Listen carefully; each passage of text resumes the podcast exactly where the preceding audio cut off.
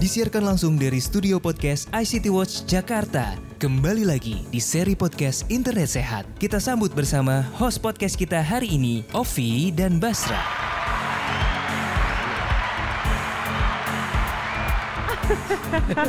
Selalu kagum ya. Wah, assalamualaikum warahmatullahi wabarakatuh. Selamat sore semuanya. Hai Sosmeder, apa kabar? Semoga Sosmeder di mana pun anda berada selalu dalam keadaan baik dan sehat. Dan Amin. tentunya berjumpa lagi bersama kita, saya Ovi. Dan saya Basra. Dalam acara seri, podcast, Internet, Sehat, lawan hoax, lindungi, privasi.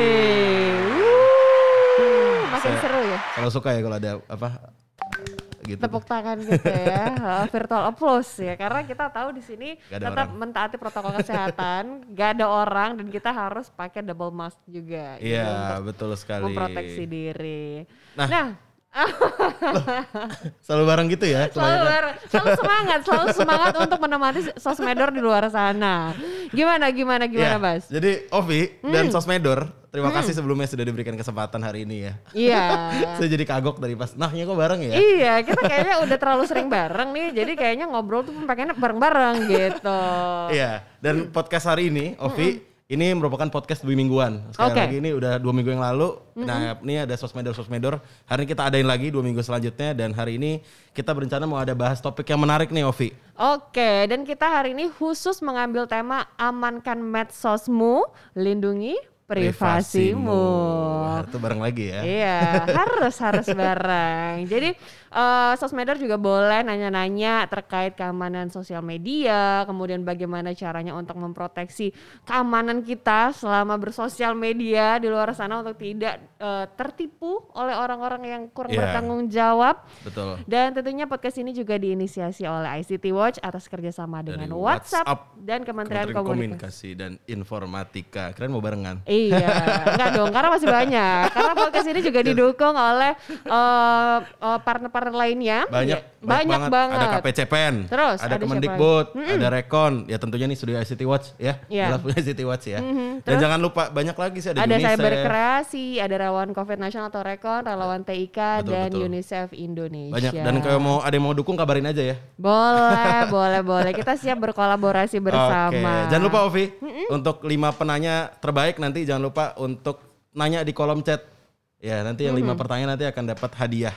Wah, Oke, wah keren banget ya. Dan tentunya podcast dua mingguan ini juga dapat sosmedor saksikan tentunya di sosial media kami baik Facebook, YouTube, eh, Instagram. Instagram, dan, Betul. dan jangan lupa juga untuk disaksikan dan didengarkan kembali di Spotify. Wih, paling enak tuh enak kekinian banget ya Iya, Spotify. kekinian banget. Sambil nyetir gitu kan. Bener banget. Dan juga jangan lupa untuk selalu follow eh, apa Instagram kita at internetsehat.id karena setiap harinya kita akan membagikan hadiah-hadiah menarik dan eh, memilih penanya terbaik dan pastinya tidak akan dipilih berdasarkan ini pertanyaan terbaik doang karena kita Oh. sudah mempersiapkan hadiah yang sangat luar biasa untuk sosmeder di luar sana yang sudah Keren ya. berkontribusi bersama. Bagi-bagi hadiah aja gitu ya. Iya kita bagi-bagi hadiah, bagi-bagi hadiah mengedukasi. Oke, Nah. gimana nih Bas? Kita hari ini bakal ngebahas apa sih sebenarnya? Nah ngomong-ngomong tadi ada Instagram, Hmm. tadi disinggung ya Facebook. Nah Ovi punya Facebook nggak? Ada dong, ada Facebook, ada Instagram gitu ya. Oh, punya ya? kita udah follow belum sih? Belum. Oh belum. Nanti saya follow ya kalau gitu. udah, udah, udah. Jangan nanti jadinya gosip di luar sini ya. Oke. Hmm. Nah, tapi tahu nggak sih Ovi bahwa sosial media yang kita pakai itu ternyata kadang kita suka lupa tentang keamanannya. Wah, kita kan pakai media sosial tiap hari nih, Hmm. lihat informasi, lihat apa, bahkan kita kadang memberikan informasi ya. Tapi kadang kita lupa nih soal keamanannya. Oke, iya benar banget ya. Karena sekarang ini juga kadang-kadang karena lagi ngetren gitu ya, terus kita all out banget untuk share kehidupan pribadi kita, gitu share ya. tentang alamat bahkan data-data pribadi kita. Jadi banyak sekali orang-orang di luar sana yang kurang bertanggung jawab malah mengambil keuntungan dari situ bahkan mencuri data pribadi Waduh, kita. itu kayak apa? Jadi buat apa? Modus penipuan gitu Modus penipuan bisa, kemudian data kita dipakai atau mungkin disalahgunakan untuk atas nama orang lain, kepentingan Oh, orang lain, kan banyak ya. banget. Karena Padahal- sekarang juga banyak banget penipuan dari sosial media, dari Instagram, pura-pura jadi apa gitu ya dengan memanfaatkan Iya. informasi yang kita punya. Bener, apalagi serem banyak ya. banget Instagram yang dihack misalnya. Waduh, itu banyak tuh. Dihack terus diminta-mintain duit, DM-DMin teman-temannya. Aduh. Karena kan DM Instagram kan ada history chatnya ya. Heeh. Ada history chatnya jadi dia akan manggil sesuai dengan uh, panggilan terakhir kita. Misalnya kayak Hmm. gue manggil lo, eh Bas, apa kabar lo gitu. Nanti dia bilang, eh Bas, apa kabar? Eh gue lagi butuh duit nih, gue lagi lalalala gitu dengan bahasanya. Terus jadi seakan-akan kayak benar-benar dia gitu. Apa kita pura-pura nipu aja ya? Gitu. Jangan, jangan, Oke. jangan, Nah, jangan. tahu nggak Ovi bahwa berdasarkan data dari Patroli Cyber ini tahun 2020 eh, bulan Januari sampai 2021 di bulan Juni nih Oke. menyatakan bahwa setidaknya ada 39 pencurian data atau identitas dan dalamnya ada 649 pencu- penipuan online. Uh, banyak juga ya. Wah, banyak banget kasusnya nih. Lihat nih ya, ini datanya udah kita lampirkan juga dan itu juga yang sudah terlapor. Gimana kalau misalnya yang belum Aduh. terlapor? Wah, kayaknya pasti akan jauh lebih Banyak ya? banyak. Iya, dan di samping itu juga mungkin ada mungkin aja di antara kita, mungkin para pengguna sosial media yang mengalami eh, pengalaman yang kurang mengenakan, misalnya Instagramnya atau mungkin sosial medianya dihack atau diretas. Aduh, nah makanya nih Ovi, meskipun dunia sosial media itu ada di genggaman kita, tapi sebenarnya aksesnya itu sangat tidak terbatas. Termasuk tentang informasi yang kita berikan dan yang kita terima. Betul. Dan tetap nih, meskipun meskipun kayak rumah nih ya, tetap nih harus dikunci-kunci, harus ada kan yang Harus. privasi. Benar, privasi. Tapi kan ini juga menjadi tantangan tersendiri bagi influencer misalnya. Hmm, yang banyak ya. Yang banyak followersnya atau mungkin emang tujuannya mengedukasi orang banyak yang mengharuskan Instagramnya atau mungkin Facebooknya tidak diprotek gitu. Nah, bagaimana mengamankan Instagram maupun Facebook di situ? Kita nggak bakal ngobrol Ini kayak berdua. cerita ini menceritakan diri sendiri ya. Enggak, maksudnya? karena kita Oh. juga mengundang influencer dan narasumber lainnya. Oke. Tenang aja. kita akan nanti ngobrol-ngobrol sama Kak Ria Fasha dari Jawara Internet Sehat. Dan ada Mas Ruben Hatari dari Facebook Indonesia.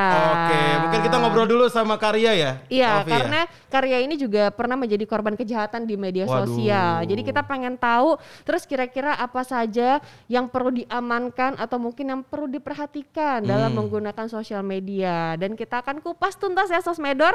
Jadi langsung saja kita sambut Mbak Ria Fasya.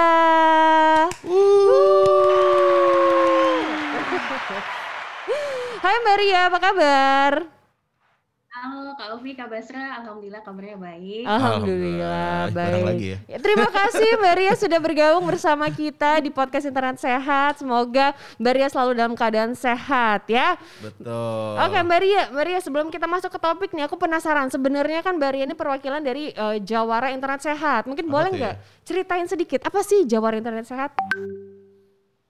Oke, jadi eh, Jawara Internet Sehat ini adalah sebuah program kolaborasi antara ICT Watch dan WhatsApp dengan dukungan Kominfo. Jadi tujuannya ini untuk menciptakan agen-agen penggiat literasi digital yang nantinya kita ini akan mengadakan kegiatan untuk mengedukasi masyarakat di daerah masing-masing. Begitu Kak Oke, Ovi. jadi tujuannya adalah mengedukasi masyarakat di daerah masing-masing. Tentang internet sehat. Iya. Oh, Jawara ya. Berarti pentolan nih. Pentolan dong. Kita di sini mengundang bukan asal-asalan, harus dengan pentolannya. Nah, Mbak Karya, sebenarnya peran dari Jawara Internet Sehat ini apa? Terutama kaitannya tadi dengan yang kita bahas ya tentang isu keamanan dan privasi media sosial nih.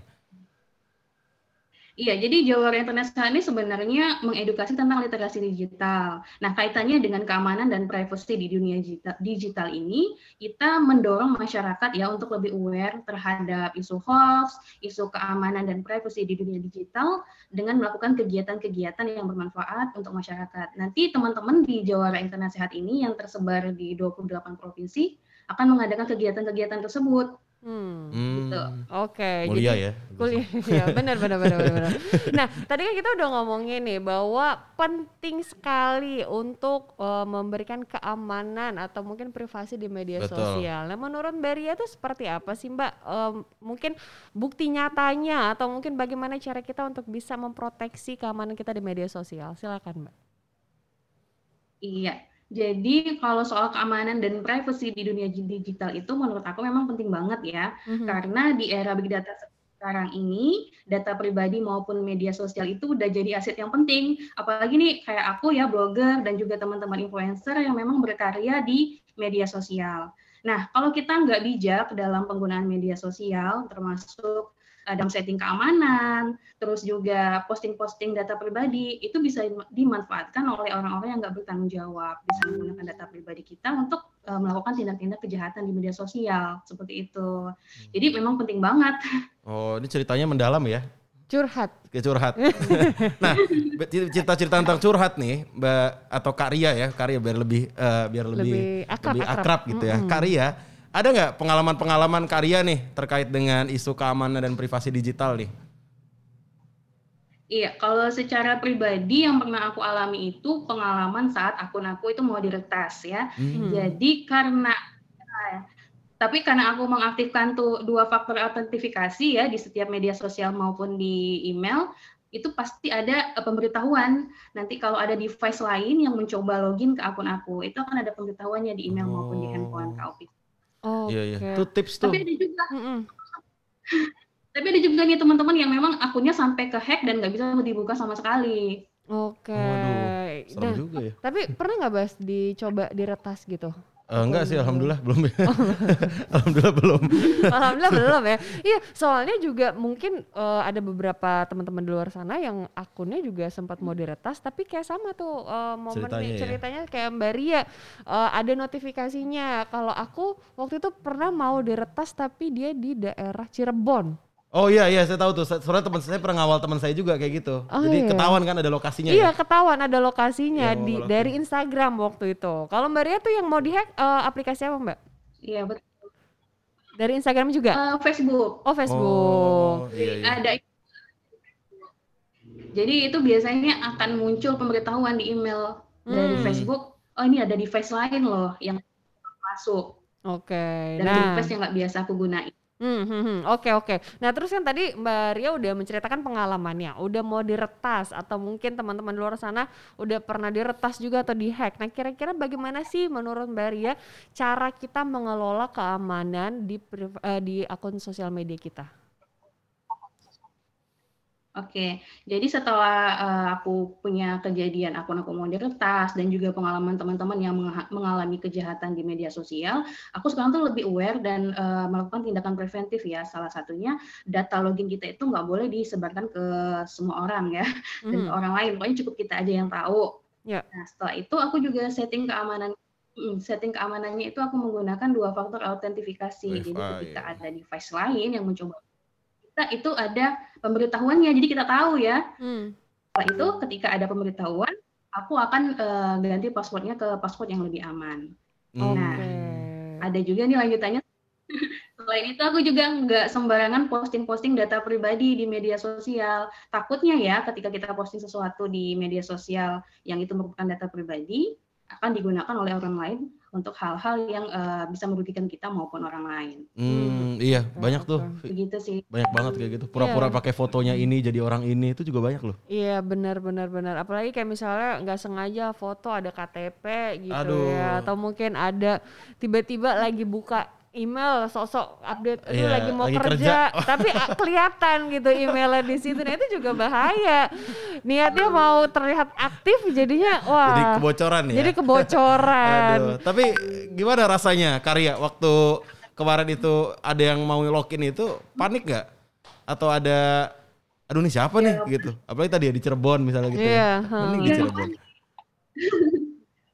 Jadi kalau aku itu eh, ada pemberitahuannya kalau akun yang mencoba login itu device-nya dari Singapura. Jadi kaget ya, Hmm. kok dari Singapura? Perasaan aku perasaan nggak pernah ya login dari device lain, handphone dan laptop. Jadi ya kaget, tapi juga tetap eh, berusaha untuk tenang dan eh, mencoba untuk ganti passwordnya supaya lebih aman ya diganti seperti itu. Hmm, jadi Oke. jadi nggak boleh panik, Vi. Yang kayak pertama gitu. nggak boleh panik, Iya. terus kedua berarti kita harus sering-sering ganti password juga. Nah kalau misalnya dari Mbak Ria sendiri berapa sering sih maksudnya periodenya? Nih harus ganti password, nih harus ganti password. Kadang kadang-kadang kan suka lupa nih. Iya. Aduh apa ya passwordnya itu nanti eh, forget password mulu. Saya kayak gitu, saya ngalamin itu. sama, sama, sama, sama. Kita anaknya walaupun masih muda Eh, ya, iya, tapi tapi- otaknya kayaknya udah udah chaos nih. Apa pengetahuannya di luar kepala kan soalnya. gitu. ya gimana Mbak? Kalau terlalu sering sih enggak ya, cuma eh, secara berkala aja misalnya dua bulan sekali atau tiga bulan Hmm, sekali. iya sih, Dan bisa-bisa kalau bisa bulan. sih nggak semua eh, itu disamain semua passwordnya. Hmm. Jangan sampai disamain semua ya. Sama itu jadi masalah juga Dan tuh. yang penting itu kita mesti ya, Benar. langsung benar, megang benar. HP, langsung ganti. Sama sama. emailnya. Hmm, hmm, hmm, hmm. Oke oke. Berarti Ingat dius- juga emailnya lupa password. Nanti malah emailnya ini kan, kalau kita lupa password, kita lupa email juga nanti sama sekali nggak bisa dibuka jadinya. Iya, Hmm, benar itu, itu saya Tapi- tuh lupa. Tapi ada tips juga sih yang menarik. Jadi waktu kemarin itu kalau misalnya kita kan suka nga- ngasih kontak info ya di sosial media kita baik di Instagram ataupun di Facebook. Jadi diusahakan kontak email yang di-share itu bukan email yang kita untuk masukin akun kita. Hmm. Itu menjadi eh, salah satu tips yang lumayan membantu sih karena orang mencoba untuk masukin email yang tertera di kontak dengan coba berbagai macam password gitu. Nah, itu Iya, juga iya, harus iya. hati-hati. Jadi diusahakan untuk punya email dua, yang satu untuk kerja, yang satu yang benar-benar untuk account pribadi gitu. Hmm, itu bisa tuh, betul. Saya juga pikir. Ternyata banyak ya data-data yang sebenarnya itu bisa dimanfaatkan dan kita harus jaga itu ya sebenarnya. Banyak banyak badan kita juga harus pelan-pelan belajar sih menurutku. Kok jadi aku ya? Oke, kita balik ke Maria. Maria, Maria. Eh, Maria, aku mau tanya dong. eh, tadi kan Maria udah udah cerita tentang pengalamannya, kemudian tentang Jawara internet sehat. Berarti karyanya juga aktif dong untuk ngingetin ke teman-teman lainnya sosmeder di luar sana untuk ngamanin akun sosmednya sendiri. Iya, jadi karena ada pengalaman teman dan keluarga yang pernah mengalami kejahatan sosial media ya biasanya aku biasa share lah kalau ada temen ya kalau sekarang itu yang lagi maraknya itu nge-share eh, ini sertifikat vaksin yang ada nomor NIK-nya. Itu benar. betul, Jadi betul. eh, se- Itu bener banget. Iya, jadi. Norak eh, ya. karena kita merasa karena kita teman ya dan kita peduli, kita coba ingatkan dengan cara yang baik dan santun jangan sampai mereka tersinggung. Begitu juga di grup-grup WhatsApp keluarga kalau ada yang suka nge-share nge-share link yang nggak tahu kebenarannya kita ingatkan kembali. Dan aku karena juga blogger, aku juga beberapa kali buat tulisan di blog tentang keamanan media sosial. Wih, Oke. keren gak tuh Vi? Menulis loh. Eh, menulis. Tapi Mbak Ria mungkin boleh dong di-share sedikit eh, tantangannya selama ini dengan menulis, dengan mengedukasi eh, teman-teman. keluarga. Ah, iya, teman-teman loh. baik keluarga, kemudian teman-teman di luar sana atau mungkin sosmedor yang belum kita kenal. Apa sih tantangannya menurut Mbak Ria? Iya, jadi kalau masalah tantangan mengenai literasi digital ini adalah memang eh, sebagian masyarakat itu malas baca ya, Kak Opi sama Kak Basra. Betul, Contohnya betul. aja nih, kalau contohnya aja kalau install aplikasi itu kan biasanya ada permission atau eh, ketentuan data Aha. data mana yang harus yang boleh digunakan oleh aplikasi. Nah, Hmm. sebagai Iya, kita iya. nggak baca oke-oke aja dan Ih, ternyata malah data kita digunakan oleh aplikasi tersebut. saya Iya, banget jadi itu. memang tantangannya itu eh, dan memang kelemahan kita itu di lemahnya eh, literasi kita. Jadi Hmm. eh, sering-sering aja sih ngingetin dengan bahasa yang enak dan contohnya juga seperti podcast yang dilakukan sama internet saat ini juga jadi inspirasi lah Oh, dengan cara yang enak ya nyampeinnya nggak Iya. membukan kayak gitu. Oke. Cocok nih acara ini saya sebagai sosmedor aja lah ya. Sama, pantas kita dipilih untuk jadi hostnya. Iya. Karena sama-sama nggak tahu gitu ya. Langsung Jadi- banyak banget tadi langsung pengen ganti password, ganti apa langsung. Iya, iya, iya benar-benar. Jadi di sini kita juga sebagai host juga jadinya belajar loh, Belajar. ketemu dengan eh, narasumber-narasumber yang luar biasa, yang tentunya edukatif untuk eh, apa ya, menginformasikan bahwa sangat penting loh bagi kita untuk memproteksi data pribadi kita dalam penggunaan sosial media. Mantap, betul. Nah, Ovi, kita bisa undang satu narsum lagi nih tadi. Boleh Ya kan? dong. Tadi kan kita udah ngobrol sama Mbak Ria nih. Sekarang Iya. kita undang narasumber satu lagi siapa tuh? Namanya Mas Ruben Hatari dari Facebook. Oke, tapi Mbak Ria jangan ke mana-mana dulu ya. Nanti Iya. kita bakal coba tanya-tanya lagi, bakal ngobrol-ngobrol lebih lanjut lagi setelah kita ngobrol-ngobrol dengan Mas Ruben. Hai Mas Ruben. Halo. Hai. Aduh. Mana nih virtual plus ya untuk narasumber kedua? Ini template work from home nih. Template-nya udah setnya udah work from home banget nih. Iya, Mas Ruben, gimana kabar Mas? Alhamdulillah sehat. Alhamdulillah sehat. WFH, udah berapa lama WFH? Satu setengah tahun. Satu setengah tahun. Semangat kita bakal PPKM lagi. Jadi diperpanjang lagi masa WFH kita ya Mas. Peningkatan berat badan pas itu. work from home. Benar, benar, benar, benar. Oke. Nah, ini Ovi berkaitan dengan yang kita bahas tadi Mas Ruben. Kita pengen nanya-nanya nih sama Mas Ruben. Mas Ruben kan dari Facebook ya, dari aplikasi media sosial yang terutama juga banyak dipakai sama orang Indonesia nih. Yap. Nah, sebenarnya kalau menurut Mas Ruben dari Facebook sebenarnya apakah sebenarnya media sosial ini tuh tempat yang aman dan privat tadi? Dan sebenarnya apa yang bi- apakah nanti kita kan banyak misalnya kayak saya di Instagram akunnya udah di privat. Apakah itu cukup sebenarnya gitu untuk Cukup bisa mem- menjamin ya. Heeh, keamanan dan privasi tadi? Oke, thank you, thank you pertanyaannya. Jadi uh, mungkin uh, sebelumnya terima kasih untuk teman-teman ICT Watch sudah mengundang saya, uh, Mbak Ria untuk sharingnya tadi sebelumnya. Uh, intinya uh, kalau kita membicarakan mengenai keamanan data ya, ke- keamanan uh, uh, journey kita atau experience kita di atas sosmed, mau platformnya atau uh, apa pun itu ya, um, sebenarnya aman dan privat itu harus ditentukan oleh kita sendiri Hmm. penggunanya sendiri. Ya, saya kasih contoh gini. Kalau misalnya di dalam platform keluarga besar Facebook ya, dan saya sebut keluarga besar Facebook karena di situ ada Facebook, ada Instagram, dan ada WhatsApp. Pasti semua Hmm. hampir semua orang Indonesia yang aktif di ranah digital itu paling nggak punya lah salah satu dari aplikasi tersebut ya. Nah, kita itu sebagai pengguna, kita itu mempunyai full control apa yang kita mau share. Ya, Hmm. apa yang kita mau bagikan, apa yang kita mau tunjukkan ke eh, tunjukkan ke orang-orang, ya pe- pengikut kita atau teman kita dan yang lain-lain. Ya. Hmm. Jadi kalau misalnya di Facebook, ya tentu kita punya setting-setting tertentu, privacy setting yang mungkin pengguna Facebook tinggal masuk ke setting itu ada yang namanya privacy checkup atau security checkup. Kita tuh bisa lihat. Jadi kalau misalnya kita tuh mau temenan sama siapa aja sih. Nah, dari lingkuran teman kita itu kita mau bisa sharing apa saja sih? Apakah mereka bisa ngeliat tuh konten-konten kita, gambar-gambar kita tertentu. Nah, itu memang semua didesain karena kalau di saat kita mendesain produk-produk kita, yang pertama muncul di pikiran kita adalah bagaimana kita bisa menjaga privacy dan keamanan pengguna kita ya. Dan ini kita terapkan juga di platform-platform yang lain. Jadi kalau misalnya ada Instagram, kita punya tuh pilihan untuk kita mau private atau kita mau buka untuk publik, ya kan? Iya. Iya, Nah, betul, betul. Kalau misalnya kita buka untuk publik ya tentu semua orang akan bisa lihat ya. Tapi eh, kita eh, setting itu private yaitu biasanya kembali lagi terserah dengan penggunanya. Hmm. Nah, mungkin tadi ada pertanyaan yang yang menarik. Apakah kalau misalnya kita privatkan itu menjamin untuk keamanan? Mm-mm. Jawabannya sih tidak. Iya. Kalau menurut saya ya, menurut saya itu tidak karena kembali lagi untuk kita benar-benar mengamankan akun sosmed kita, kita ha- harus punya literasi digital atau pemahaman digital yang cukup tinggi. Jadi nanti kita bisa ngomong lebih lanjut lagi ya. Hmm. Nah, ini contohnya seperti kayak bagaimana kalau misalnya kita harus sesering apa sih kita harus gonta-ganti password kita? Ya. Password yang kuat itu seperti apa sih? Hmm. kalau misalnya ada orang yang nanya eh, di sosmed gitu, kita tinggalnya di mana, nama lengkapnya kita, harus nggak sih kita jawab? Nah, dari itu hal-hal kayak gitu tuh kembali lagi ke kesadarannya kita, mau publik atau mau privat, kalau misal kesadaran kita rendah bagaimana kita berinteraksi di sosmed, saya jamin pasti nggak aman.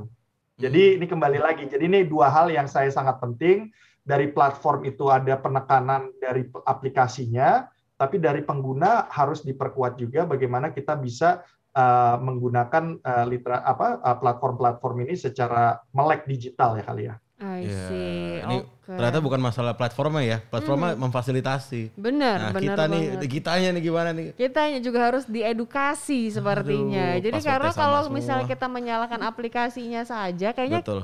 Kayaknya nggak nggak nggak etis gitu. Iya, Kayaknya salah kurang. kita juga. Kita juga Salah ngepostnya kita. kita publikasi-publikasi tadi ya sertifikat vaksin. ya. Bener, iya. terus kayak lagi email tadi gitu ya. Iya, iya, nah iya. terus eh, Mas tadi kan udah ngomongin ya kira-kira pasti banyak tidak menjamin gitu ya kalau misalnya Instagram kita di lock itu tidak menjamin keamanannya. Nah kira-kira Hmm. kejahatan apakah yang akan atau mungkin terjadi di sosial media baik Facebook, Instagram, WhatsApp sekalipun dan kira-kira Hmm. bagaimana dampaknya bagi kita? Ya, Em, saya tuh selalu mem- memberikan analogi seperti ini. Kalau kalau mayoritas penduduk itu pasti aktif di sosmed atau menggunakan salah satu eh, platform sosmed ya, pasti kita bisa menarik korelasi di mana kejahatan yang ada di offline kemungkinan besar itu juga ada di online. Ya. Ya. Jadi bisa bayangkan jenis-jenis kejahatan yang apa saja yang ada di online. Tapi di samping itu karena kita sadar ada kejahatan-kejahatan yang yang juga ada di online seperti ya kita sebut saja ya phishing, terus ada misalnya penipuan online, terus misalnya mungkin bisa ditarik juga mengenai uh, misinformasi atau ujaran kebencian. Mm-hmm. Kita sebagai platform kita juga berinvestasi untuk bagaimana kita bisa mengamankan platform kita untuk memastikan pengguna-pengguna kita itu merasa aman. Nah, salah satu contohnya itu kita menggunakan kombinasi di mana ada orang yang langsung yang duduk sebagai human reviewer ya. Jadi kita ada berinvestasi kalau nggak salah sekarang angkanya lebih dari 35 ribu human reviewer yang ada di seluruh dunia. Jadi kalau misalnya pengguna yang melihat merasa ditipu atau merasa dihack gitu atau merasa di uh, ada ada konten yang kurang berkenan lah di atas platformnya kami itu bisa diadu langsung ke kita dan salah satunya itu adalah pasti akan ada human reviewer yang akan ngecek tiket tersebut ya.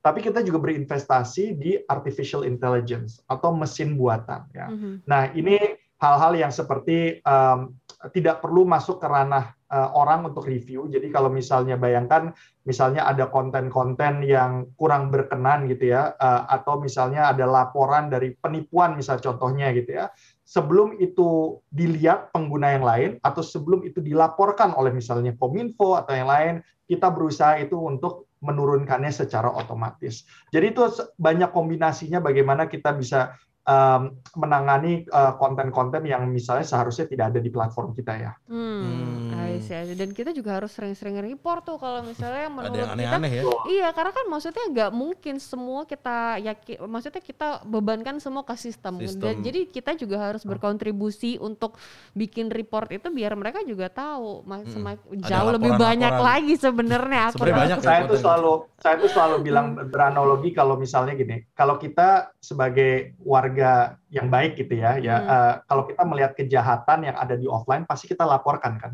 Iya. Nah itu hal yang prinsip yang sama harus kita terapkan di online kalau kita melihat sesuatu yang tidak layak ada online silahkan laporkan Hmm. Oke oke oke. Sama ya netizen citizen sosmedor. Harus, sama harus, ya. Harus, harus. nah, Mas Ruben ini juga menarik nih, suka banget. Uh, Ovi suka di ini nggak? Di ada di Japri gitu ya, by direct message hmm, gitu. Saya hmm. suka pernah sekali tuh di direct message ngajak kenalan kayak gitu hmm, gitu kan hmm, hmm. ngajak kenalan ada yang minta sumbangan gitu banyak juga atau kan. mungkin endorse atau bahkan nawarin endorse tapi lucu banget website waktu itu nggak jelas gitu pas aku klik itu salah juga waktu itu aku klik hmm. nah itu kalau di Facebook atau IG sendiri itu gimana sebenarnya uh, Mas Ruben ada nggak cara-cara mewaspadai atau hal-hal lainnya gitu ya untuk mencegah agar tidak tertipu atau dimanfaatkan oleh orang lain Ya, kalau misalnya via DM, eh, ini tergantung lagi ya bagaimana kita mengatur settingnya kita uh, untuk menggunakan platform ya. Tentu kalau misalnya kita setting pri private gitu ya, ada message-message tertentu itu yang kita harus benar-benar ngulik lah untuk nyarinya, tidak langsung muncul muncul di inbox kita. Tapi uh, yang rule of thumb yang yang mungkin saya bisa sharing ya adalah yang tadi saya sudah disampaikan juga kalau misalnya kita tidak yakin sama orang yang mengirimkannya itu, ya kita harus gali lebih dalam lagi ya. Kadang-kadang tuh kita juga di sharing, uh, ini yang yang sering terjadi seperti ini. Um, kalau misalnya di, di Instagram ya, uh, ada orang yang misalnya DM uh, untuk ngaku-ngaku kalau misalnya uh, mengatasnamai Instagram langsung. Ya kita sering lah ini, ya, ini uh, phishing yang paling paling sering gitu ya. Saya kasih tahu di sini, Facebook dan Instagram itu tidak mungkin nge-DM kalian. Ya, hmm. jadi kalau misalnya ada Jangan kepedean woi gitu ya. jadi ya juga ya. Tadi kan sudah tadi sudah kayak Ovi yang tadi sempat sharing ya kalau misalnya uh, di email gitu kalau misalnya ada orang yang login dari tempat yang lain itu pasti email. Yang akan kita lakukan adalah kita akan email kalian. Ya, hmm. email kalian kan pasti kalau untuk registry itu kan terdaftar. Ya. Jadi kalau misalnya itu mau ada kegiatan-kegiatan yang mencurigakan atau kita mau inform kalian uh, langsung, yang kita lakukan itu adalah kita akan email. Kita nggak mungkin itu diam. Jadi kalau misalnya lihat DM-DM yang mau menjual verifikasi atau mau uh, centang biru atau mereka mau um, apa bilang mengatasnamai Instagram for whatever purpose, abaikanlah.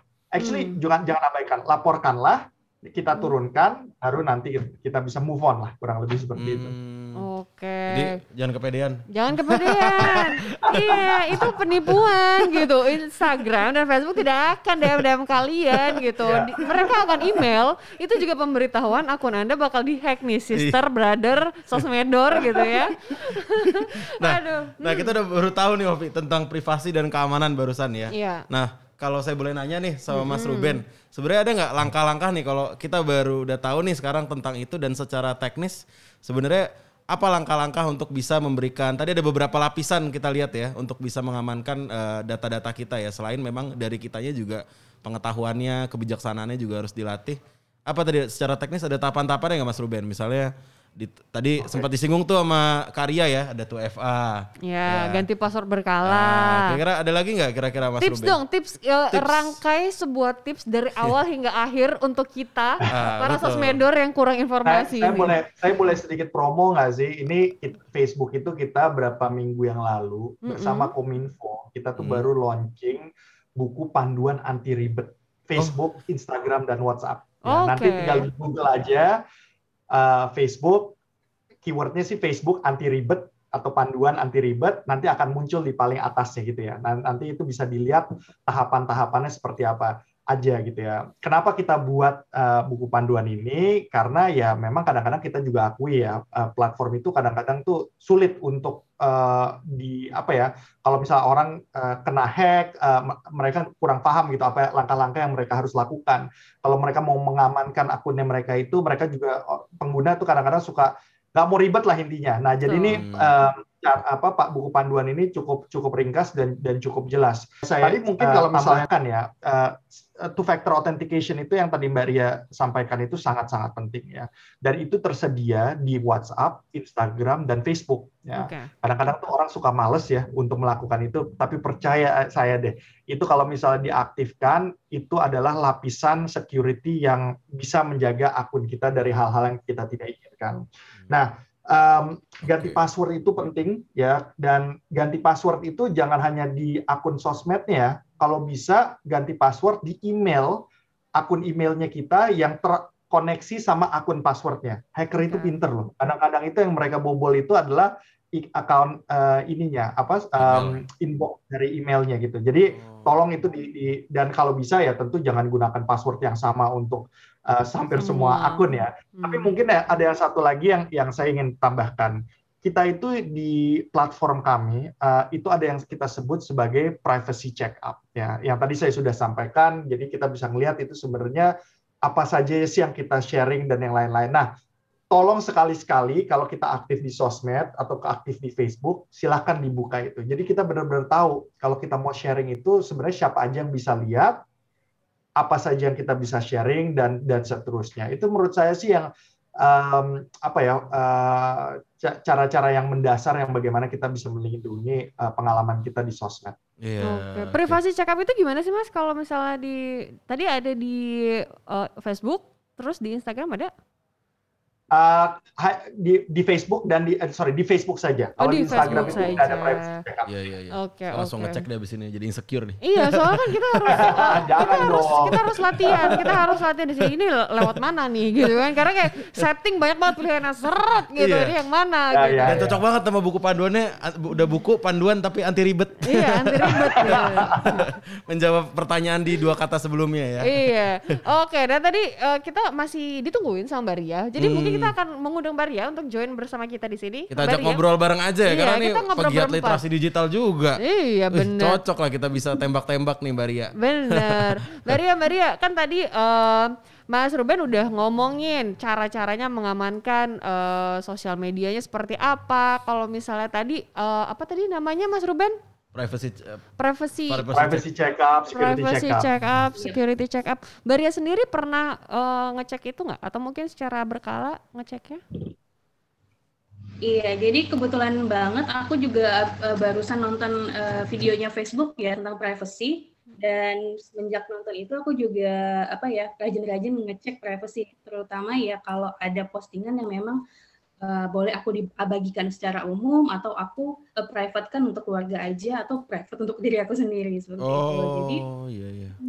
jadi memang ada postingan-postingan yang memang aku nggak kirim ke semua orang kayak gitu, tapi ada juga postingan yang memang semua orang. Iya iya iya. Oke. Dari sisi kita tuh penting banget tuh yang kata Mas Ruben tadi yang dibilang sama Mbak Ria tuh. Jadi emang dibalikin ke kita juga. Kalau semuanya kita obral juga orang enak ngambil ya kan. Benar benar benar benar. Ini kalau- misalnya kayak di Instagram di Instastory ada Instastory public sama Instastory Ya, close, friend. Iya, Jadi kita sama ya. bisa jadi kita bisa meminimalisir siapa saja yang bisa melihat keberadaan kita, aktivitas kita dengan siapa Betul. kita berada gitu ya. Bahkan kadang-kadang juga kita nge-protect Instagram kita, tapi kita juga tetap aja kalau ada yang nge-follow kita accept-accept aja sebenarnya. Sama aja. Sama aja gak ada gunanya. Iya. Jadi betul Mas Ruben bilang, terus saya baru nyadar loh. benar benar benar. Dibalikin ke kitanya. Oke, nah tadi kan Maria juga sempat eh, nyinggung kalau misalnya ganti password itu dia biasa dua bulan sekali. Kalau menurut Mas Ruben, idealnya ganti password itu berapa kali sih, berapa bulan atau mungkin berapa minggu? Soalnya eh, mohon dikasih tips bagi teman-teman yang pelupa-pelupa seperti Iya. host-host berdua kita di sini ya. Atau mungkin abis itu password gantinya disimpan di mana ya gitu. Iya, abis itu disimpan di notes ya kan. Notesnya connect aja. ke email ya sama aja selesai. Kalau kalau saya saya punya eh, kebiasaan untuk berubahnya per tiga bulan Tiga Hmm. bulan. dan dan setiap password yang saya gunakan itu kombinasi ya huruf Hmm. gede huruf kecil eh, angka dan special character ya itu mau tanda tanya eh, apa tanda seru dan seterusnya Hmm. Eh, kita buat seribet mungkin untuk orang lain, tapi kita buat segampang mungkin untuk otak kita. Tapi yang kadang-kadang tuh yang sulit ya itu. Kalau kita udah bulan keberapa itu melakukannya, kita kayak kita udah, udah kehabisan gitu ya, udah kehabisan kayak kata sandi apa lagi ya kita harus gunakan gitu. ya. Iya, But- benar. It's what it is, ya. Nah, tapi um, kembali lagi nih, Amin, eh, yang tadi saya yang tadi sudah kita sampaikan, yang misalnya two factor authentication atau authentication eh, autentikasi dua langkah, Hmm. seharusnya dengan adanya itu um, ya mungkin nggak perlu terlalu sering gitu ya, karena kan itu ada layer eh, security tambahan itu. Iya. Oke. Berarti Tadi ada ada angka, ada ada angka, ada huruf, ada Kapital. kapital, ada special karakter. Mm-mm. Aduh. Terus Mas Ruben nyimpen nyimpen eh, apa passwordnya itu di mana? Maksudnya kan kadang-kadang kita nggak mau ribet, jadi simpennya di notes, notes handphone yang sebenarnya connect, Connect ke juga ke email. email. Nah, ada nggak Ya. tips yang aman untuk save password kita atau mungkin kita harus beralih ke konvensional ya Kolong kan? kasur. konvensional kita harus catat sendiri, tulis pakai tangan, taruh di dompet gitu. Terus dompetnya hilang, amit-amit gitu ya, lupa semuanya. Gimana gimana, Mas Ruben atau mungkin Mbak Ria silakan beri tanggapan. Kalau saya sih simpennya di sini ya paling sering ya. Tapi kalau misalnya kadang-kadang ini lagi sebenarnya kan di um, di uh, ada aplikasi-aplikasi yang yang yang tersedia ya di maksudnya di Google Play Store dan dan uh, App Store juga ya uh, yang khusus untuk menyimpan uh, apa password-password gitu ya. Tapi kalau uh, dan itu bisa digunakan, saya tahu banyak orang yang menggunakan hal itu juga ya. Tapi kayak kalau misalnya nggak nggak mau ribet, eh, yang yang saya selalu lakukan juga adalah eh, saya ketik di Microsoft Word dan Word dokumen tersebut saya protek lagi pakai password. Jadi kayak Ah. jadi saya nggak masuk gitu. Ada long listnya lagi. Double and triple Double ya. protection ya, Itu kan. berarti 3FA ya. Iya. Sama kayak kita pakai masker sekarang harus double gitu ya. Itu menarik. Ale top Mas Ruben. Oke sekarang Mbak Ria, gimana Mbak Ria? Mbak Ria boleh kasih tips untuk simpennya di mana Mbak? Eh, kalau sejauh ini aku sama kayak Mas Ruben ya, ingatan ingatannya pakai otak gitu ya. Tapi sebenarnya di Jawara Internet satu udah dikasih tahu ada memang website penyimpanan password, tapi mohon maaf aku lupa detail Hmm. alamatnya apa seperti itu. Ada memang. Oh. Oke. Oh ada ternyata. Banyak ya ternyata ya. Ini memang isu yang Banyak. sebenarnya juga serius sebenarnya makanya banyak banget akses-akses Benar, ini fasilitasnya. Nah, ini ada pertanyaan lagi nih. Ini menarik banget. Tadi berkaitan dengan yang Kak Ria sampaikan bahwa Mas Ruben akunnya Kak Ria nih pernah sempat mau dihack. Nah, sempat mau dihack. Nah, pertanyaan kan udah ada 2FA nih. Alhamdulillah Karya akhirnya tidak ter, eh, teretas ya Iya. akunnya. Nah, tapi pertanyaannya kalau ada akun yang akhirnya keretas itu kenapa ya sebenarnya? Rata-rata tuh karena apa? Dan apa yang harus kita lakukan Ah, gitu? itu tuh yang paling penting tuh. Iya, misalnya kayak akun aku tiba-tiba diretas sama orang, terus kita, aku udah apa udah dua faktor, Udah. udah segala macam, itu gimana, Mas? Oke. Eh, sorry akunnya sebelumnya apa? WhatsApp, Instagram, apa Facebook ya tadi? Hmm, mungkin Kalau oh itu beda-beda. Kalau beda-beda ya? Mungkin boleh dijelasin, mungkin dari Facebook seperti apa, kalau Oke, dari Instagram seperti kalau- apa? Oh dari WhatsApp seperti apa? Jadi minta ya. Oke, okay, kalau, iya. kalau uh, uh, semua ini ada ada di buku panduan nanti ribet ya. Nah, tapi nanti saya saya kasih tahu kalau misalnya di Facebook uh, di uh, ketik aja di apa URL-nya mm-hmm. uh, facebook.com garis miring hack H A C K E D dan kalau misalnya di Instagram itu help.instagram.com help. ada buku panduan dan, dan semua ini udah bahasa di bahasa Indonesia kan ya. Jadi kita nggak usah khawatir gitu ya.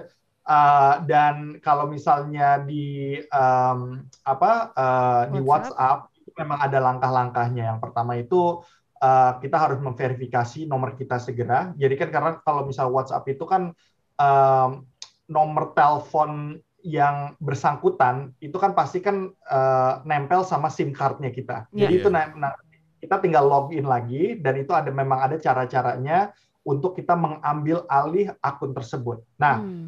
uh, itu jalur yang ingin kita jalankan sendiri, yang yang bisa kita jalankan sendiri. Tapi uh, di samping itu, ya tentu uh, Kementerian uh, Kominfo sebagai salah satu ya regulator dan mitranya kami juga, mereka itu juga mempunyai jalur untuk uh, aduan dari masyarakat hmm. jika kayak hal-hal ini terjadi ya.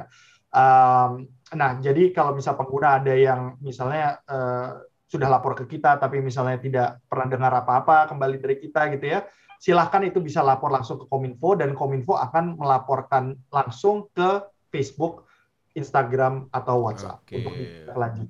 Berarti jalurnya banyak, Ovi. Ada jalur, jalur mandiri, ada ada jalur mandiri kan, udah ada. Tapi dari jalur birokrasi juga ada. Benar, benar, benar. Gitu. Jalur VIP itu. Jalur VIP. jalur VIP nanti langsung diverifikasi, langsung di email langsung sama Facebook atau Instagram. Tapi nggak lewat DM ya, ingat. Nggak lewat DM. Jangan kepedean. Uh -uh. Kalau Mbak Ria gimana Mbak Ria? Kalau misalnya kita akunnya udah dihack nih, kalau misalnya akun uh, sosial media kita hmm. dihack, terus kira-kira menurut Mbak Ria apa yang harus kita lakukan? Iya, jadi kalau pernah kejadian temen aku yang uh, akunnya dihack, itu yang pertama dilakukan adalah kabari teman-teman lain ya, supaya untuk menghindari adanya hmm. penipuan-penipuan yang menggunakan yeah, akun bener. tersebut. Hmm. Terus yang kedua, uh, yang kedua itu uh, ini ya lapor ke aplikasi yang bersangkutan ya kalau di Facebook lapornya ke Facebook, kalau Instagram lapornya ke Instagram. Hmm. Biasanya ada pilihannya laporan aktif, ada pilihannya di hack atau berpura-pura menjadi uh, orang lain, itu kan ada pilihannya di Facebook. Hmm. hmm, hmm. Oke. Okay. Seperti itu sih tapi jujur pasti panik banget sih. teman-teman. Bener bener bener karena sangat penting untuk menginformasikan ke teman-teman terdekat juga. Karena kan iya. kadang-kadang orang juga gak buka WhatsApp tapi bukanya Instagram gitu kan. Jadi agak ngeselin sih sebetulnya. Ngeselin. itu keselin terus iya. kita WA tapi dia nggak balas tapi update story. Update gitu. story. Pengalaman ya, Pak. Pengalaman atau mungkin ceweknya nggak balas WhatsApp tapi update Instagram. iya ya. mungkin uh, Mas Ruben boleh di email verification. Saya laporin ya, padahal nggak dihack sebenarnya gitu. Tapi saya hack. Oke, oke. Oke, gimana nih? Uh, kan Kak, tadi kan uh, udah ngobrolin tentang Instagram dihack, terus uh, bagaimana cara penanggulangannya tapi kira-kira kenapa? Apa alasannya akun seseorang itu dihack? Nih, mungkin boleh Mbak Ria dulu, habis itu dilanjutkan dengan Mas Ruben. Iya, uh, menurut aku akun itu mudah dihack. Yang pertama mungkin passwordnya mudah ditebak ya. Mm-hmm. Terus uh, dia nggak nggak mengaktifkan uh, dua langkah autentifikasi tersebut. Terus juga dia uh, login ke aplikasi tapi emailnya juga lupa. Emailnya lupa, uh, passwordnya lupa. Waduh. Jadi dia nggak punya apa ya? Ketika uh, akunnya dihack kan biasanya uh, lupa password ya, lupa password kan masuk ke email. Nah ini kebanyakan kejadian ya. Kalau keluarga aku yang memang uh, umurnya udah agak uh, ya udah ibu udah nenek-nenek ya. Generasi baby boomers lupa. ya. Hmm. Hmm. lupa emailnya apa ya? Ya, ya, apa ya. ya? Jadi memang benar-benar nggak bisa Aduh. Terus juga ya seperti itu, lupa password, lupa email. Jadi udah habis semua ya, nggak bisa kita bisa verifikasi betul. Benar, benar, benar. Gimana kalau Mas Ruben? Kenapa kira-kira akun seseorang itu bisa dihack? Kenapa sih? Ini susah ya menurut saya, karena um, namanya juga penjahat ya. Penjahat itu kan uh, sekarang nih udah kayaknya udah nggak pilih kasih gitu ya. Kalau yeah. memang benar mereka itu awal-awal itu kayak mereka mentargetkan komunitas atau orang-orang tertentu yang mungkin ya tadi Mbak Ria bilang gitu ya kayak misalnya udah kedetek passwordnya udah gampang ditebak gitu tidak mengaktifkan two factor authentication gitu ya tapi semakin ke sini um, kita juga melihat pattern itu ya di mana mereka mau menyebarkan jaringnya seluas-luasnya ya kan? Ibaratnya kayak misalnya nelayan melemparnya seluas-luasnya gitu ya. Hmm. kalau dapat itu hoki kalau enggak ya itu move on to the next victim gitu ya kurang lebih seperti itu. Dan dan um, ya tentu ini sangat mengkhawatirkan ya tapi nah makanya lagi ini program-program yang seperti literasi digital program-program yang building awareness yang seperti kita lakukan sekarang ini saya rasa ini sangat penting untuk kita sebarkan seluas-luasnya. Karena sekarang nih udah kadang-kadang tuh orang tuh juga yang merasa kayak ah gue udah gue udah aman gitu ya online ya. Gue udah tahu gue gue udah bersosmed dari belasan tahun yang lalu. Pasti hmm. ada saatnya yang kita tuh ya slip aja kita kelewatan gitu kan ya. Dan dan dan saya rasa sih edukasi atau pengetahuan literasi digital bagaimana kita menjaga data kita saja gitu um, itu harus terus diingatkan. Contohnya gini ya saya saya kemarin itu baru um, uh, ada dengar uh, salah satu teman saya yang sudah bertahun-tahun menggunakan sosmed dan saya rasa tuh dia itu orangnya cukup apa ya cukup bijak ya cara cara dia berinteraksi di sosmed tapi tetap aja tuh slip tuh ya kan. Dia nggak sengaja uh, uh, menceritakan nih menceritakan ya dia tidak sharing KTP ya. Hmm. dia menceritakan di postingan sosmednya tanggal lahir dia ya karena dia ingin bilang apa kalau misalnya dia itu udah uh, kebetulan itu hari ulang tahunnya dia kemarin tapi dia menulis di situ uh, dia tanggal lahir itu kapan dan dia uh, lahir ya? di mana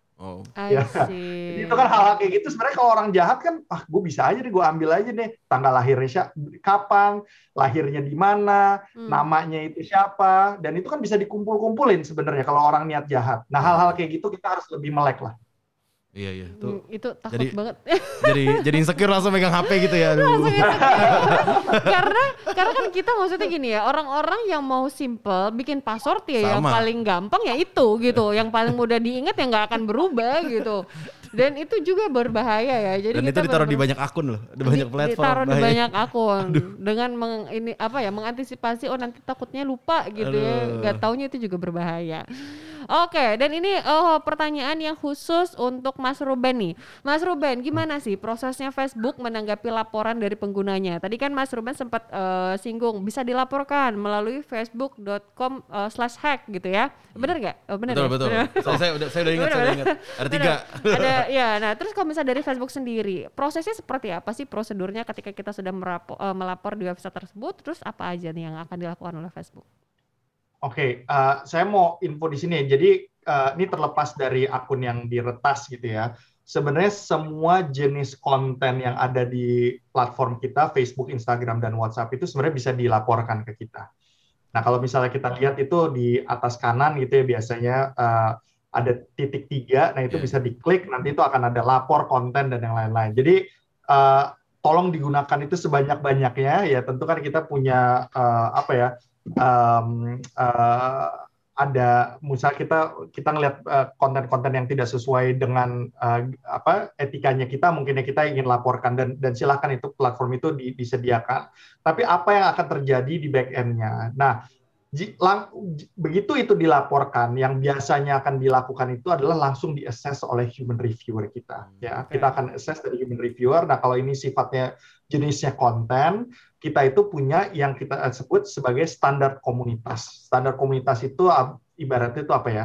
Kitabnya kita lah, yang itu menentukan konten apa saja yang boleh di atas platform kita dan yang tidak boleh di atas platform kita. Dan ini adalah uh, dokumen yang kita sediakan secara publik. Itu bisa dilihat online, jadi uh, bisa dilihat sebenarnya konten jenis apa saja yang yang ada di atas platformnya kita um, kita akan melihat assess uh, konten tersebut, aduan tersebut against our community standards dan kalau misalnya itu ada pelanggaran itu akan kita remove dan kalau tidak itu akan tetap ada di platformnya kita. Hmm. Kita juga akan melihat dengan regulasi-regulasi di negara-negara yang bersangkutan. Ya contohnya kalau di Indonesia itu ada beragam ya undang-undangnya, ada undang-undang ITE, ada peraturan menteri dari Kominfo dan selanjutnya. Dan itu akan kita gunakan juga untuk misalnya ini konten benar-benar melanggar atau tidak ya. Nah, hmm. tapi kalau misalnya yang tadi yang sifatnya diretas, ini kan lebih langsung ya sifatnya kita nggak perlu cek um, apa namanya regulasi-regulasi yang ada.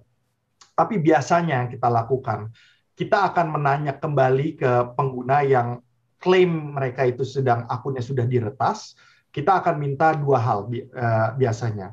Kita minta bukti kalau individu tersebut itu adalah orang yang bersangkutan. Okay. Jadi verifikasi ya. Kartu identitas, bentuk KTP atau SIM yang butuh dikirimkan. Itu yang pertama. dan yang kedua yang biasanya kita minta gitu karena akun itu biasanya itu kadang-kadang diretasnya itu kan dari alamat email ya. Yeah.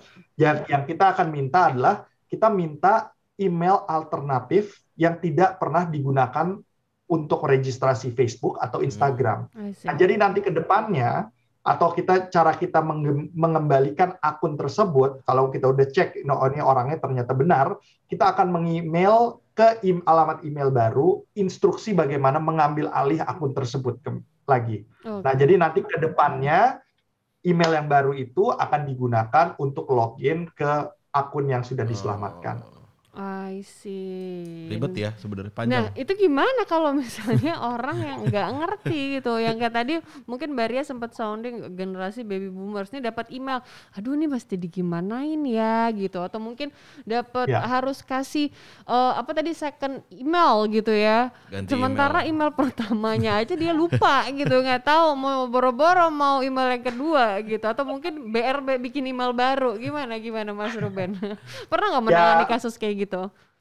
Ya uh, pernah uh, dan dan biasanya kita karena kembali lagi gini, um, sayangnya itu bukan sayang ya mungkin ya, uh, kita itu sangat menjaga privasi dari pengguna kita. Ya. Hmm. Jadi sebisa mungkin kita tidak bisa memberikan informasi untuk pengembalian akses email atau akun yang diretas via orang lain.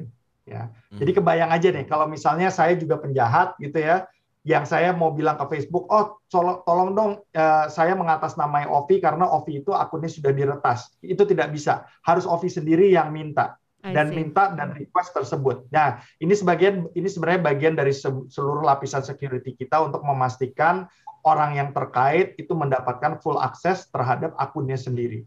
Oke. Okay. Nah, lengkap ya. Lengkap banget. Nah, tapi ini masih banyak sekali pertanyaan dari Sosmedor. Nah, mungkin kita akan coba dengerin dulu nih Mas pertanyaan dari Sosmedor ya Mbak Ria ya. Iya, kita dengerin dulu curhatan Sosmedor. Halo, nama saya Ica. Saya mau cerita sedikit tentang keresahan saya. Saya punya all shop di FB dan saya mencantumkan nomor kontak saya di sana. Jadinya saya sering nerima SMS nggak jelas, bahkan modus penipuan. Apakah cara saya aman? Terus gimana agar saya tidak nerima SMS gitu lagi tanpa harus mengganti nomor? Makasih. Oke, itu pertanyaannya. Keresahan segala umat itu. Keresahan segala umat. Oke, silakan. Mungkin boleh Mbak Ria dulu, silakan menanggapi. Oke, jadi uh, kalau dapat SMS, uh, kalau ini ya akun sosial media bisnis online memang kalau nggak dimencantumkan alamat telepon ya nggak bisa juga ya karena dia memang butuh dihubungi oleh pelanggan. Tapi kalau untuk uh, saya sih ketika ada SMS SMS yang uh, nggak benar atau SMS SMS penipuan lebih baik nomornya diblokir aja langsung seperti itu sih kalau aku kalau dapat SMS SMS yang uh, menurut aku nggak penting atau memang rencananya mau menipu langsung aku blokir aja. Hmm, I see. Di blok oh, biar cepet di blok aja biar nggak ribet. Udah nggak jelas, ngapain lagi langsung iya. cepet. Gimana Mas Ruben tanggapannya mengenai? Ya saya saya setuju ya um, saya sangat setuju dengan tadi yang sudah disampaikan Mbak Ria paling gampang itu memang di di cut gitu ya, di di blok gitu ya. Hmm. Tapi yang uh, mungkin sebagai alternatif ya, uh, sebenarnya mencantumkan telepon itu untuk kita dagang online itu tidak wajib ya. Jadi kalau misalnya kita membuka lapak online misal di Facebook atau di Instagram, sebenarnya kan jalur DM itu kan juga bisa digunakan. Jadi kalau misalnya tidak ada uh, apa tidak mau mencantumkan nomor telepon bisa kita bisa posting di situ juga. Kalau misalnya mau reach ke sellernya silahkan hubungi via DM Hmm. Mungkin itu saja. Itu salah satu tips juga tuh sebenarnya. Salah satu tips. Interaksinya bisa dibangun di kanal yang lebih secure ya dibanding nomor privat. Benar-benar. Karena yeah. kan iya. setiap sosial media juga sudah menyediakan chat sendiri gitu. Yang ya. DM tadi. Kalau ini boleh saling DM ya. Boleh, boleh. boleh DM DM ya. Berarti wajar banget tuh cowok-cowok pada minta kenalan di DM gitu ya. Yeah. Karena nggak dapat nomor teleponnya gitu. Masa di komen? kan gak mungkin ya. Oke. Okay. Okay. Ini ada pertanyaan nih, Ovi. Pertanyaan untuk untuk dua narasumber kita nih. Pertanyaannya adalah dari Karina Hasianio dari, Dari YouTube. YouTube, Nah, ya. Izin bertanya kalau kita sudah merasa data kita bocor ke aplikasi yang pernah kita download, oh berarti udah udah, terjadi nih. Terjadi. Nah, dan install gitu ya. Dan langkah selanjutnya gimana nih biar bisa memperbaikinya? Mungkin Mas Ruben dulu nih. Gimana nih kalau udah kepalang nih kita udah tahu nih, oh udah, udah bocor data saya nih. Iya. Nah, gimana cara memperbaikinya Mas Ruben? Eh, maksudnya memperbaiki un- untuk Untuk data ya, kita. maksudnya kalau Ya, ya akun kita lah ya. Oke, oke. Em, paling gampang eh, adalah masuk ke privacy yang check up tadi. Ya, pertama-tama kita masuk ke privacy check up untuk kita cek sebenarnya privacy settingnya itu kebuka selebar apa, gitu ya. Nah, kalau misalnya itu semuanya dibuka selebar-lebarnya, mungkin kita harus menilai kembali lagi sebenarnya akunnya saya itu mau dibuka selebar apa sih? Nanti itu akan ada penyesuaian. Itu yang pertama. Yang kedua, di atas eh, di dalam Facebook ya kalau saya ngomong Facebook ya itu eh, ada yang disebut eh, get your own information ya. Jadi eh, saya sebenarnya saya contohnya saya udah punya akun Facebook selama 13 setengah tahun gitu ya. Kalau misalnya saya masuk ke setting itu ada get your own information get your data gitu ya. Itu kita bisa klik di situ dan kita bisa download semua interaksi kita di, di Facebook selama ya selama saya ada gitu 13 setengah tahun foto-foto yang saya pernah upload, interaksinya dan lain-lain. Ya semakin lama kita punya sejarah di Facebook ya tentunya file itu semakin besar ya. Betul. Tapi itu bisa untuk kita tarik. Jadi kalau misal kita benar-benar mau tahu, sebenarnya saya udah sharing apa saja sebelum-sebelumnya informasi seperti itu tersedia. Tapi mungkin itu saja sih kalau dari saya ya. Em, tentu untuk untuk cek privacy check up, eh, menyesuaikan ke depannya itu mau seperti apa. Ya tentu kalau misalnya kita eh, ganti password dan yang lain-lain eh, dan dan melakukan yang untuk get your information itu sih menurut saya. Hmm, oke, oke. Mbak Ria ada tanggapan?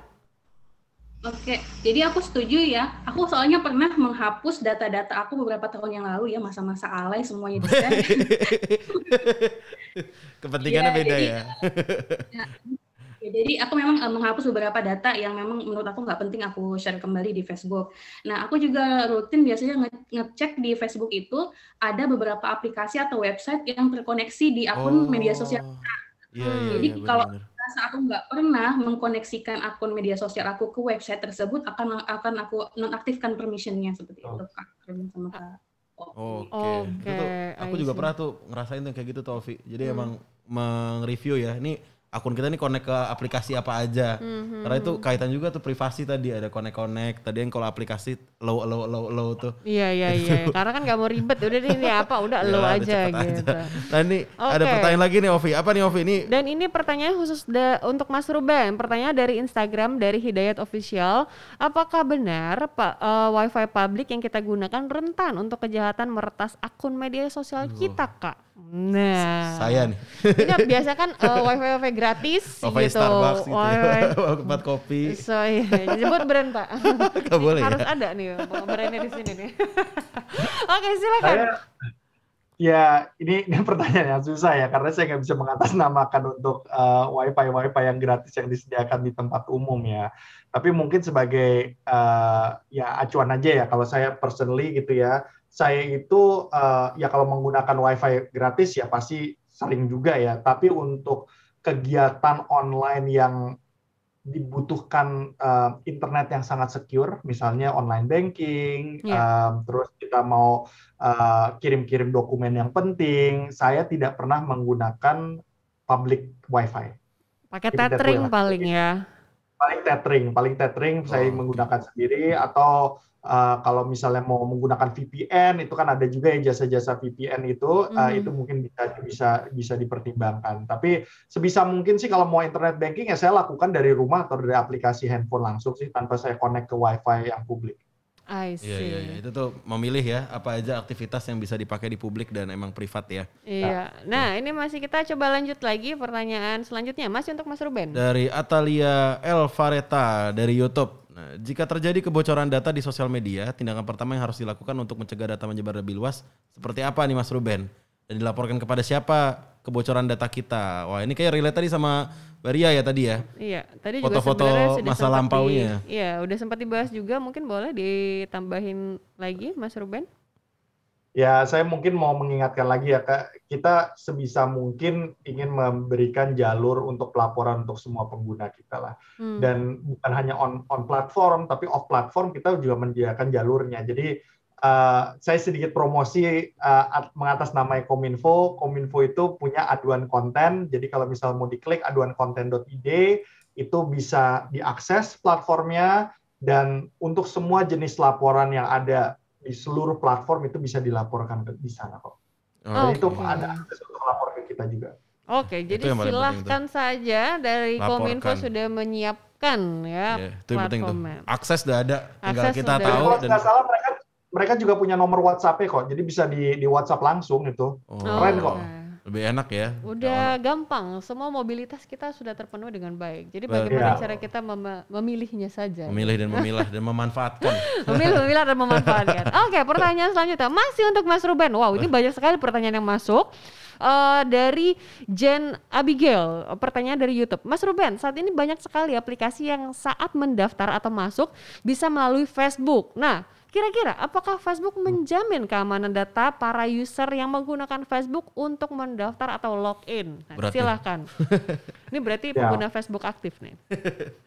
Ini pertanyaan yang sangat keren karena saya dapat oh, kesempatan untuk menjelaskan. Jadi gini, um, itu adalah kegiatan yang kita sebut dengan uh, kerjasama dengan uh, pihak ketiga, aplikasi pihak ketiga atau website pihak ketiga ya, dan dan memang untuk mempermudah orang mengakses uh, website tersebut, aplikasi tersebut, biasanya memang disediakan layanan untuk uh, untuk apa ya uh, yang di attach sama platformnya Facebook. Jadi kita nggak usah mengisi ulang dan yang lain. Bayangin ada satu password lagi yang harus ditambah, kita makin mumet kan. Jadi ya udah kita serahkan ke Facebook. Praktisnya seperti itu. Nah, tapi yang terjadi yang apa kita lakukan dari Facebook, yang pertama tidak semua platform aplikasi atau website yang ingin menggunakan jasa tersebut itu kita berikan ya. Jadi memang ada um, mekanisme atau uh, apa ya uh, format aplikasi yang mereka harus lalui untuk mereka yang kita akan menggunakan security check untuk aplikasi tersebut atau website tersebut. Itu yang pertama. Jadi memang barnya itu sangat tinggi untuk mereka bisa mendapatkan akses tersebut. Itu yang pertama. Dan yang kedua, kita juga melakukan audit. Jadi uh, per enam bulan semua um, apa ya uh, aplikasi atau website pihak ketiga yang terafiliasi dengan platform Facebook itu pasti akan direview dari tingkat security-nya, dari tingkat privacy-nya, apakah data-data kita itu digunakan dan list goes on goes on dan itu diaudit juga oleh pihak ketiga dan itu bukan diaudit oleh Facebook loh. Facebook itu hanya membayar pihak ketiga untuk melakukan audit terhadap platform-platform tersebut dan bagaimana kita berinteraksi.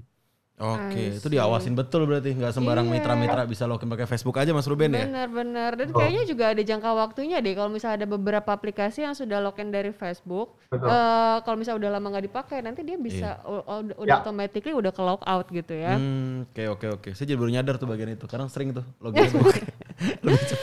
Oke, nah kita kalau misalnya ngomongin tentang privasi sosial media, terus bagaimana keamanannya itu tuh kayak nggak ada bisa-bisa. Ya. Selalu banyak muncul pertanyaan-pertanyaan, apalagi nih sosmedor udah banyak sekali bertanya di sini. Tapi mohon maaf sekali sosmedor karena waktu kita sangat terbatas. Nah mungkin langsung saja kita uh, minta closing statement bagi kedua narasumber. Mungkin dari Baria terlebih dahulu mengenai podcast internet sehat hari ini. Silakan, Mbak. Iya, jadi uh, menurut aku media sosial termasuk keamanan dan privasinya itu adalah aset yang sangat penting. Jadi mesti kita jaga, mesti kita cek secara berkala passwordnya juga, dan jangan sembarang share data pribadi ke media sosial karena bisa dimanfaatkan oleh orang yang nggak bertanggung jawab. Seperti itu aja kalau bisa sama Kak Basra. Betul you. betul. Mantap mantap Karya. Terima kasih banyak. Mas Ruben gantian.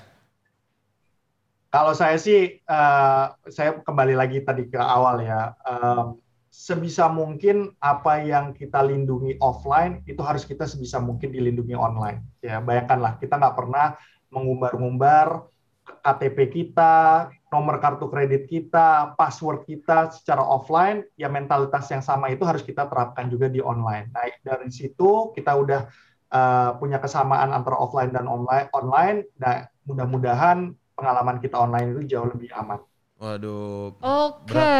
Cakep ya, terima mentalitas. kasih. Mentalitas kita juga mesti diperbaiki karena sistemnya sudah mensupport dengan sangat luar biasa, apalagi dari Betul. Facebook, eh, Instagram dan WhatsApp Dan gitu Kominfo. ya. Dan Kominfo karena mereka juga berkolaborasi dengan eh, pemerintah Republik Indonesia Betul. demi keamanan masyarakatnya. Oke deh kalau gitu terima kasih banyak Mbak Ria, Mas Ruben. Terima Terima kasih. kasih atas waktu dan kesempatannya serta ilmunya yang sangat luar biasa. Semoga ini dapat memberi informasi yang bermanfaat juga untuk sosmeder di luar sana. Betul Oke, sampai berjumpa lagi Mas Ruben Maria. Salam Dadah. sehat untuk keluarga semuanya.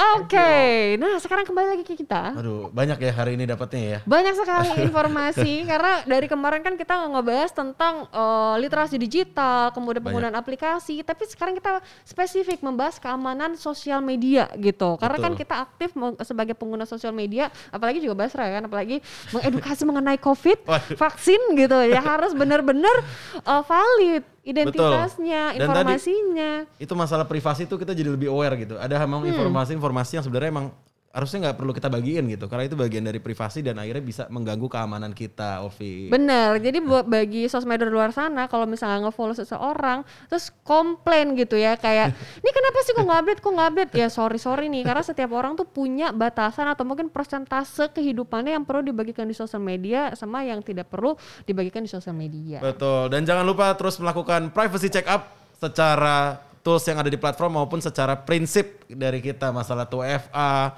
password, masalah pembagian informasi yang perlu diberikan tadi ya. Iya, benar Privacy banget. check up tuh keren banget tuh bahasanya. iya, jadi eh, tadi Mas Ruben sama eh, Baria sudah memberi informasi yang banyak sekali tadi seperti kata eh, Basra juga. Kemudian kalau misalnya untuk eh, informasi-informasi pengaduan dari Facebook, Instagram sama WhatsApp juga sudah menyediakan. Kemudian dari Kominfo juga silakan aja akses aduan konten.id bagi teman-teman yang bingung harus melapor ke mana dan takut nanti disalahgunakan juga informasinya, boleh langsung lapor aja ke situs yang terpercaya. Oke, betul sekali. Dan jangan lupa nih buat teman-teman yang tadi kan dengar tuh ada curhatan sosmedor dari Ica ya, kita Ya. dengerin. Nah, untuk curhatan sosmedor eh, sosmedor minggu depan bisa DM langsung nih ke internetsehat.id di Instagram ya. Oke. Lewat DM. Ini lewat DM nih. Ya ini lewat DM, jadi tetap harus lewat DM karena tadi eh, buat Ica gitu ya, atau mungkin sosmedor nanti eh, di dua minggu berikutnya bagi penanya menarik tentunya juga kami sudah menyediakan eh, merchandise menarik dari eh, ICT Watch Betul. dan internetsehat.id. Karena jangan lupa, besok ya. Eh, Besok betul. Yang penanya-penanya tadi ya, Ya. pertanyaan bagus-bagus tuh. Pengumumannya besok, jadi jangan lupa untuk follow dan selalu Iya. ikuti kegiatan kami di @internetsehat.id. Oke. Dan juga terima kasih kepada Sosmedor yang sudah menyaksikan podcast dua mingguan ini, podcast Internet Sehat karena kami selalu memberikan informasi menarik setiap dua mingguan, ya. Dua mingguan. Ya, kita juga hadir melalui YouTube, Facebook, Instagram dan eh, setiap Kamis pada Kamis, pukul 4 16. sore. Aku udah bilangnya 16.30.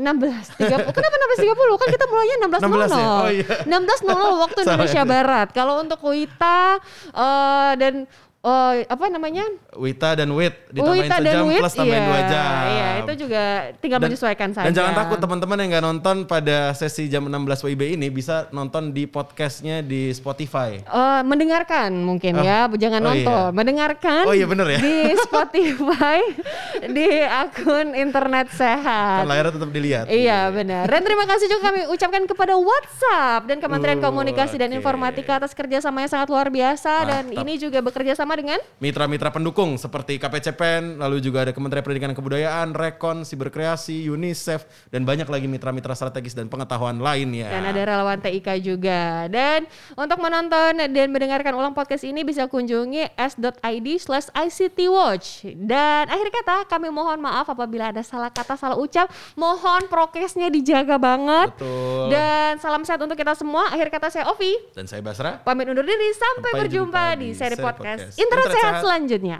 Lawan hoax, lindungi, privasi. Sampai.